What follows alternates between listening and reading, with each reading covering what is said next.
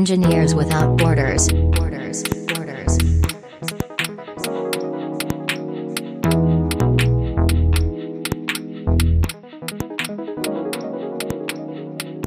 Hej eh, och varmt välkomna till det här avsnittet av TRE-podden. Hallå? Hallå, hallå. Eh, Och jag heter Niklas Norinder och eh, är här i, i EVB Uppsala TRE-gruppen. Yes, och jag heter Matilda och jag är med i samma grupp. Ja, och mitt namn är Lukas. Jag är, ja, även jag är med i samma grupp. Jag vill inleda med att säga att min favoritglass eh, är Dulce de Leche. Mm. Va, vad är det i den? Eh, eh, Dulce de Leche är ju eh, kondenserad mjölk som man kokar, har jag för mig. Och så blir det som en kolasås. Det är Jaha. otroligt gott. Den Ja, är det liksom låter väldigt, jättegott. väldigt mjuk och krämig sådär. Ja, jag är ju väldigt tråkig, jag gillar chokladglass Ja, mest. men det är också väldigt gott. Det är riktigt bra glass. Jag gillar eh, så pistageglass. Ja, jag har typ är, är aldrig det gubbigt det. att äta det? Jag tror aldrig jag smakat det Nej. faktiskt. För att det känns lite gubbigt då Ja, det kanske. kanske är så. Ja, jag Men vet jag vet inte. inte, ja, den, den, sitter, den sitter ganska bra. Ska jag vara ärlig så är min favoritglass vanilj. Jaha. Men jag vågar inte riktigt säga det för att det känns som att man Så blir då, då tar du den mest obskur, vad säger man? obskura Ja, glassen obs- istället. obskura Alla tycker att jag är istället. cool och li- liksom lite spännande. Ja. Men det är väldigt kul att ni är här med mig idag. Och jag tänker att vi ska prata lite om en kille som heter Bob Lazar. Oh. Och lite om aliens. ja, Och lite om yttre rymden. För att vem gillar inte det? Jag gillar väldigt mycket yttre rymden. Ja. Eh, och nu börjar bandet repa bredvid Ja. oss. Nice. Eh, Okej, men vem är då den här Bob Lazar som ändå är lite av en nyckelfigur under dagens podd? Jo, det är en kille som påstår Allting här är påstår för att det finns inga riktiga Nej. records att hitta kring den här killen då. Men han påstår sig vara en fysiker som påstår sig ha pluggat physics på MIT och electronic eh, engineering eller något sånt där på Caltech. Okej. Och eh, ja, varken MIT eller Caltech har ju gått ut och sagt att det finns några records på att han har gjort det här. Så att det, det är ju hans ord. så Jaha, får, man, ju- får man ju ta det som man vill då. All right. Ehm, och han påstår även att han jobbade på S4 oh. vilket är någonting som vi i vardagsspråk brukar benämna Area 51.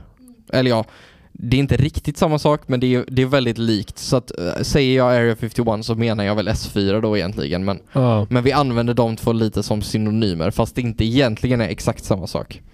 Ehm, men då, den här Bob Lazar blev känd 89 i, på en tv-intervju med en kille som heter George Knapp.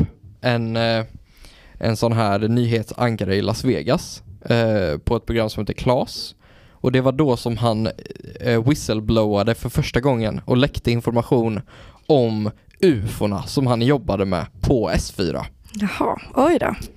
Ehm, och han säger då att han jobbade med att reverse engineera själva motorn, eller propulsion engine tror jag han kallar det, på alltså de här ufona. Och på S4 där han jobbade så fanns det nio ufon och han jobbade på ett av dem då. Okej. Och det låter ju sjukt. Ja, verkligen. Eh, så 89 blev han intervjuad av George Knapp och sen senare eh, så gjorde han en Netflix-dokumentär, eller gjordes en Netflix-dokumentär om honom. Och det här var kanske 2018, jag har faktiskt inte kollat upp årtalet. Och den här heter Bob Lazar Area 51 and Flying Saucers, om man vill se den på Netflix. Och den är också gjord av samma George Knapp och en kille som heter Jeremy Kenyon Lockyer Corbell. Eh, fett namn. Mm. Och där så fortsätter han då berätta sin story om hur han har jobbat på med rymdskepp helt enkelt och hur han har jobbat med att försöka då återskapa den här motorn som fanns i rymdskeppen. Okej. Ja, och ehm, jag har snart gjort eh, introdu- introduktionen om honom så att ni har all info så ska vi diskutera lite. Men det som, som framkommer i den här dokumentären är även att eh, de här rymdskeppen använder någonting som heter Element 115 för att drivas framåt som bränsle. Och det här är eh, ja, men det här ämnet som driver det framåt. Och han menar att det här Element 115 besitter väldigt mycket energi och mycket av världens energiproblem kan liksom lösas med hjälp av Element 115. Så det är ju väldigt, väldigt intressant. Och utöver den här Netflix-dokumentären så blev Bob Lazar eh, och den här Jeremy Kenyon Lockyer Corbell intervjuade av Joe Rogan i Joe Rogan Podcast Okej. som man kanske känner till. Eh, och det är ju likt det vi gör nu fast inte riktigt på samma nivå. Han, han har några fler lyssnare än vad vi gör. Ja, kanske. Frågan Ja. är, ja, jo. Ja, kanske då. Men, ehm, ja. Så det var lite introduktion om vem Bob Lazar var och hur han påstår sig ha jobbat med aliens och med ufon. Och det är ju otroligt intressant. Och då tänkte jag att vi skulle försöka ha någon allmän diskussion om varför ska man utforska rymden? Varför man ska utforska rymden. Och vad, vad finns det att hitta? Och tror man på den här killen? Mm. Jag menar, vi gjorde en snabb googling nu innan vi började spela in Mm. ju. Och då var det någon så här typ, första resultatet var så ja han verkar inte ha så himla fel. Och det känns ju sjukt att, att folk påstår det. Det var ju liksom en riktig tidning som hade skrivit det. Stört. Ja. Men att utforska rymden känns som en väldigt stor grej. Och det känns som någonting som är, är spännande och intressant. Eh, och jag har skrivit upp några pros och några cons. Och sen så skulle jag gärna vilja dra dem lite snabbt för er. Och så får ni komma med, med tankar och idéer kring dessa. Mm.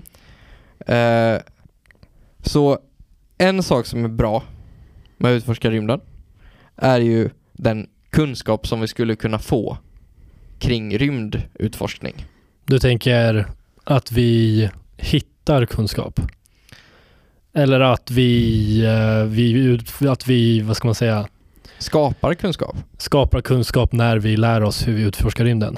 Kanske båda. Ja, För dels så skapar man väl kunskap när man ska skapa de farkoster och de metoder som ska få oss ut i rymden. ja exakt. Och dels så kanske vi hittar någonting i, vår utforsk i, i vårat utforskande av rymden Ja, som kommer hjälpa oss som eh, art. just det. Ja. Ja, det, du, det finns säkert någonting där ute som vi skulle kunna gynnas av. Absolut. Eh, Det är bara att det är en väldigt, väldigt stor rymd. Den är otroligt stor. Så ja, alltså jag ser ju såklart fördelarna och jag hade ju själv velat åka ut dit och eh, utforska om det gick. Hur, hur... Men det känns, ja, jag vet inte, idag, idag känns det, det känns ändå som att vi har, vi har ju en del problem vi också måste ta itu med mm, och fokusera, fokusera på. Boom! Där kom vi sjukt bra in på en av mina cons som jag har skrivit upp då.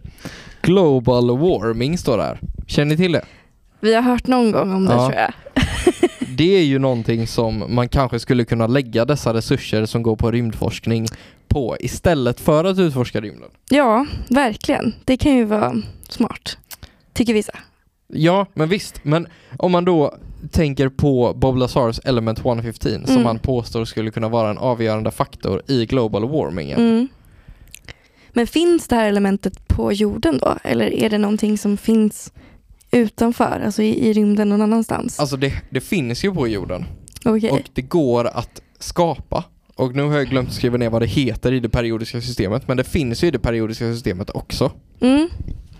Okej. Ehm, men det som eh, Bob då påstår är Mm. att, kan, att han har haft det så att det har varit stabilt i flera timmar. Alltså i en liksom väldigt stabil fas. Mm. Men det som vi kan skapa här på jorden eller hitta här på jorden eh, förfaller väldigt snabbt. Det är en, en väldigt instabil ett väldigt instabilt ämne. Okej, jag har, du? eh, ja, MC är förkortningen. Mm. Eh, Moscovium. Exakt. Ja. Eh, ja, okej. Men vet vi hur mycket som finns? Det kan ju, alltså, Eh, jag ja, tror många av de här höga numren finns det väldigt lite av. ja, jo så är det väl. Ja, men... Ja, jag har eh, tyvärr ingen, ingen info om det. Nej, men det är... Och det verkar inte ha de här drömmiga egenskaperna som Bob pratar om heller. Jaha. Alltså det som finns på jorden. Som jag har förstått det i alla fall, just i och med att det förfaller så snabbt. Då skulle det vara, då, okej, då skulle det vara att man hittar det på andra planeter. Kanske att man kan mina det. Nej. Att man kan det eller inte? Men Kanske att man kan det. Kanske Alltså att man kan här, det, ja. Kanske att det är liksom en eh, någonting som man försöker hitta. Just det.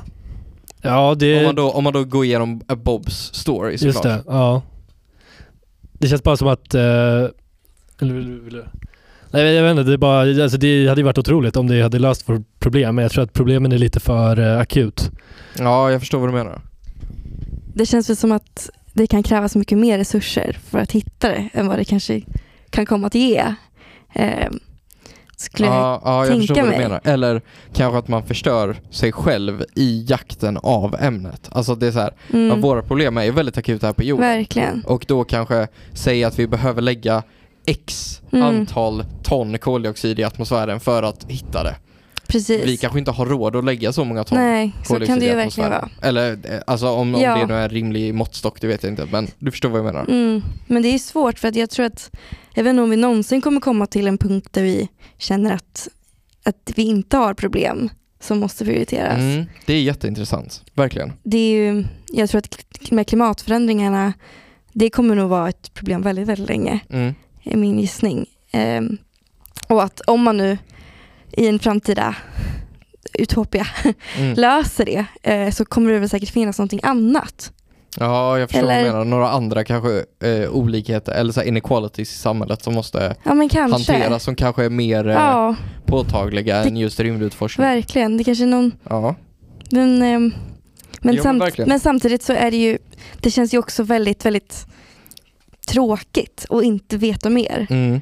Om det kan vara någon annat argument Mm, alls. mm. Ja, men det är ju faktiskt en pro som jag skrivit ner, Ja. som lyder ungefär sådär. Ja. Och det är ju då att vi har alltid utforskat. Först utforskade vi jorden Ja. och hittade, ja men alltså eh, way back liksom när man åkte båt överallt. Eh, så, så man hittade alla jordeplättar som man kan vara på. Just det. Kul.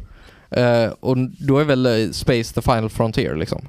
Men vi har inte Ja. utforskat våra hav till exempel speciellt mycket. Vad kan finnas där nere? Ja, det är verkligen en bra fråga. Men Kanske finns det där ämnet, det kanske gömmer sig man kanske nere. hittar supermycket Ja. element 115 Ja, jag långt, tänker det. långt, långt, långt ner. Ja, det är dit vi ska först kanske. Kanske. Ja. Ja, det är faktiskt en, en väldigt rolig tanke. Mm. I och med, alltså med tanke på hur mycket av haven som är outforskade. Mm. Men en sak som, på tal om hur kanske akut miljöproblemet är. En sak som, som jag har skrivit som en pro då. Det här är från en hemsida så jag, jag vet inte om jag backar det här 100%. Min källa är internet. Okej, ja det är bra Ja källa. visst. Så en pro som vi har skrivit här då är att eh, rymdforskning behövs i ett modernt samhälle Okej. och kanske då för att vi ska kunna fortsätta existera. I och med att jorden kanske redan är körd. Så vi kanske Mm. behöver terraformera Mars eller något sånt där fett. Ja, Varför skrattar du? Det är ju fett. det är fett, det är fett. Det, är- det, det krävs mycket teknik bara Det krävs otroligt mycket för teknik. att terraformera. Det vet jag inte ens om det går att göra. Nej exakt, exakt. Så det var nog det jag skrattade åt. Ja det är ju faktiskt väldigt förståeligt. Men för det finns väl också annat, eh, alltså om vi lär oss mer om rymden så kanske vi kan undvika andra, så- alltså som att typ solstormar och så vidare som Ja. kan komma att eh, vara ett stort hot i framtiden. Ja verkligen. Eller det vet man ju inte, men Nej. jag lyssnade på ett avsnitt av Peter Dystopia när de pratade om solstormar. Mm. Eh, där man blev skräckslagen typ, för det var så här, det kan ske och vi kan bli utan el.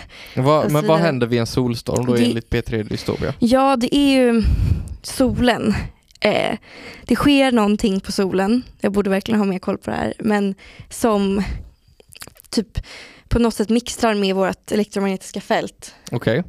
Eh, ja, nej förlåt, vårt magnetiska fält. Mm. Eh, som då kan förstöra våra generatorer. Åh vad sjukt. Ja, och det är de som, Ger oss el ja. ja, precis, precis, det är där liksom det viktiga sker. Mm.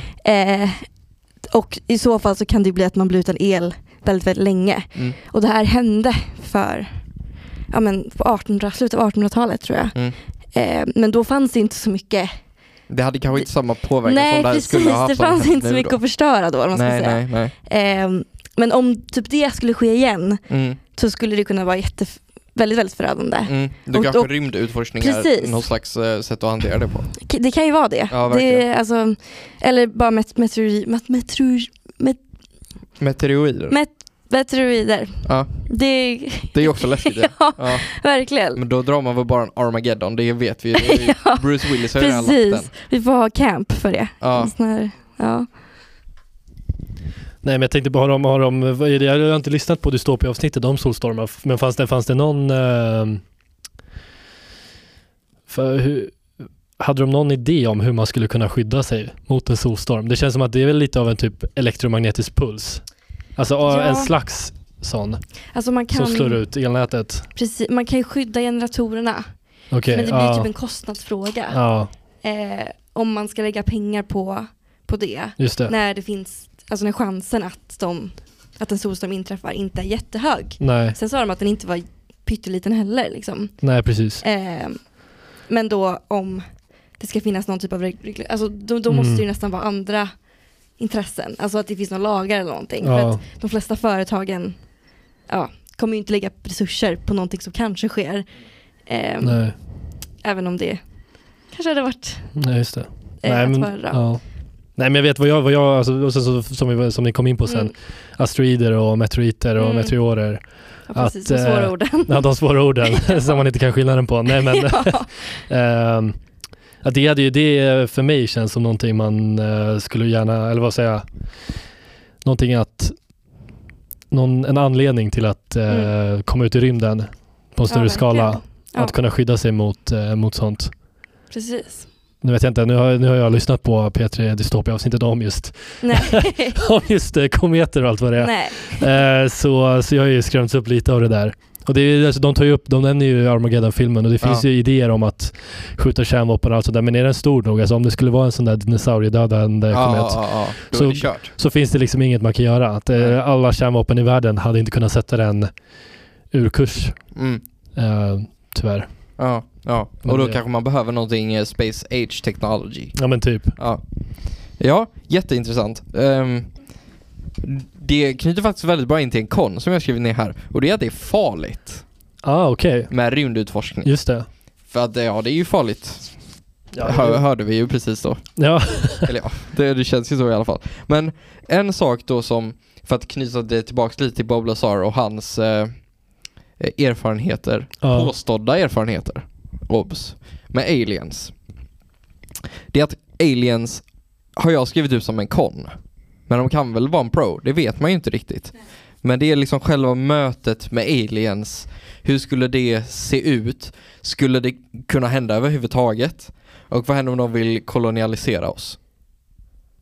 ja. Och vad händer om de har goda avsikter? Och för att knyta upp in till det här lite snyggt så hittade jag en, en väldigt trevlig, ett trevligt citat från en radiointervju med en kille som heter David Brin som är astrophysicist och sci-fi författare.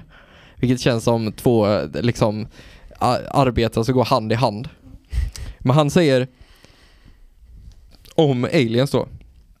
If they already know we're here and they're ancient and wise, why have they not spoken up? Is it possible that it's because they know something we don't about how the cosmos about the cosmos and its dangers? Och det tyckte jag var ett väldigt spännande och väldigt eh, eh, kärnfullt citat. Eller så här, Mm. ja absolut. Tänk om det finns aliens som vet att vi är här, de bara valt att inte säga någonting. Då vill vi ju antagligen inte träffa dem. För att det måste ju finnas en anledning till varför de inte har tagit kontakt med oss. Nej. Eller så kanske de bara har försökt men vi inte har lyckats läsa kontakten, så kan det ju också vara. De kanske har sitt egna, sina egna problem som global uppvärmning. Ja, de kanske sitter där med sin globala uppvärmning. Precis. Men om de har hittat oss, alltså jag tänker så här hur resurskrävande själva letandet efter annan eh, livsform känns som att den borde vara mer resurskrävande än själva skicka en signal och säga hej, här är vi. Absolut, så kan det vara. Ehm, men det, man vet väl inte Nej, riktigt. nej jag, jag vet ju inte. Det, Så det, kan ju vara, fel. det kan vara lättare att få någon signal om att det är någonting där Mm. än vad det är att kunna skicka någon signal som kan liksom tydas Ja, hit. jo men verkligen. Ja. Ehm, Men det är ju jätteintressant såklart. Jag, Och- jag tycker verkligen att det är en väldigt spännande grej. Ja, men precis. Och antagligen så finns det väl aliens. Eh, eller det, Det känns nästan så. enligt matematiken. Ja, enligt Eh, matematiken. ma- ja, precis. Ja, Eh, men frågan är hur, hur, hur de ser ut. Eller liksom om Ja. det är på något sätt ens lika oss. Eller om det är kanske en liten bakterie som svimmar runt. Typ. ja. Då är det inte... Eh, Inte riktigt lika spännande Nej, precis, med en men- bakterie, det håller Men jag är det inte med också att enligt matematiken att det ska finnas intelligent liv också? Någon... Oj, det, jag är inte så bra på matematiken. Nej, Jag har ju eh, bara gått linalg 2. precis. ja. Jag tror inte jag har gått någon mer så här ren mattekurs efter det, så jag har inte riktigt koll på den matematiken tyvärr. Nej, men, Men, men det är men väl... det skulle absolut enligt- inte enligt förvåna mig. slumpen Ja, är det det känns väl. som att om man liksom slumpar tillräckligt många gånger och säger att tiden är oändlig och vårt universum expanderar och det finns liksom, jag vet inte, x antal eh, atomer Mm. då borde ju samtliga liksom sammansättningar hända en oändlig antal gånger om tiden är oändlig. Förstår du vad jag menar? Ja, jo, Säg att absolut. du har en kortlek och så drar du tusen kort Mm. ur kortleken. Och så är kortleken 5000 kort Ja. och alla är unika. Ja. Om du blandar den och sen drar tusen kort till så kommer det antagligen inte vara exakt samma. Nej. Men gör det oändligt många gånger så kommer du dra exakt samma kort i exakt samma ordning oändligt många gånger också. Mm. För att det är ju så det funkar liksom. Jo, absolut. Eh, nej men det är ju jätteintressant. Ja det är Såklart. jättespännande verkligen. De kanske kollade på oss och tyckte såhär, nah. Ja de kanske bara inte Dit orkar vi inte. Vi kanske var bakterien för Precis, dem. så de kan kanske det bara, vara. åh gud vad Det ointressant. kanske inte liksom finns någon vinning i att kontakta oss för vi Mm. har liksom ingenting som de, Som de som de ens är tycker är intressant. Nej, Nej. verkligen. men, Det har man ju ingen aning om. nej, verkligen. Eh, jag har en till kon uppskriven om ni skulle vilja höra den. Eller jag har en till Absolut. pro också för den delen. Spännande. Pron är eh, att det skapar jobb. Ja, det är en bra pro. Eh, men, men jag tycker den är ganska weak. Det känns som att det finns många saker som skapar jobb. Ja, Som kostar mindre för världen än vad liksom rymdforskning gör. Så verkligen. det är en ganska weak pro. Men de måste ju betala lönerna också, vem det är som är villig att investera pengar. För det är ju, det är ju pengar som, vad ska man säga, investeras utan någon riktig... Det är ingen säkerhet, det är Nej, investera i liksom NASA ger ju inte jättemycket return on investment kan jag nej exakt. Utan det är ju verkligen för forskning. Ja. Ehm, ja men verkligen. Och sen eh, min sista kon då är att det kan bidra till internationella spänningar. Oh. Vilket är någonting som jag faktiskt inte hade funderat så mycket på Nej. innan jag kollade upp den här pro con listan på internet. Eh, för att absolut, typ så här tänk ehm, men jag vet inte, alltså att man åker ut i rymden, man kanske terraformerar Mars. Um, säg att det är NASA som gör det. Det är ju ett amerikanskt liksom eh, statligt eh, en statlig institution. En amerikansk institution. Får de då, är Mars amerikanskt då? Är det liksom USA som äger Mars? Är det som en koloni? Ja, Och hur funkar alltså, det sen liksom? Eller förstår ni vad jag menar? Det skulle jag kunna tänka mig kommer bidra till, till ganska mycket oväntade spänningar kanske framöver. Ja, alltså så, så, länge, så länge det inte finns någon... Alltså visst, om USA är först till Mars och har en koloni där. Eller ja. USA-baserade företag eller vad man ska säga. Ja, Eh, de, de gynnas ju inte så mycket av det. Det är mer att de kanske kan, det blir någon slags kalla krigvinst igen. ja jo, först i mars, liksom. Ja, Men att, att de skulle sen säga så här, ja vi är de enda på Mars, vi har en koloni på Mars, vi är de enda som har en koloni på Mars. ja. Då vet jag inte om typ Kina och Ryssland skulle, Då skulle de vara där illa kvickt också. jo kanske, men jag vet inte om de skulle bli så upprörda heller. För att det Kanske liksom, inte i dagens det- samhälle, nej, nej. nej, Nej. Men, eller man vill ju hoppas att det inte är så i alla fall. Nej, för det känns precis. lite barnsligt. Putin blir skitlack. Ja, han bara nej! Ni kan inte vara ensamma på Mars. Vad händer med alla rymdpotatisar? Ja, Ja, har ni sett The Martian? The Martian. Ja, Ja. just det. Ja, jo, jag Ja. har sett den. jag Vad händer med alla rymdpotatisar tänker jag? Ja, Ja, kanske. Det vet man ju inget om. nej. Men det vi vet är att det är ett otroligt intressant ämne. Mm. Och att vi alla kommer gå hem och kolla Bob Lazar Netflix-dokumentären igen. Absolut. Och lyssna på honom på Joe Rogan podcast. Oh, ja, det, den ser jag fram emot. Ja, och sen så vet vi ju även att det var otroligt kul att ni ville vara här och lyssna på oss diskutera det här idag.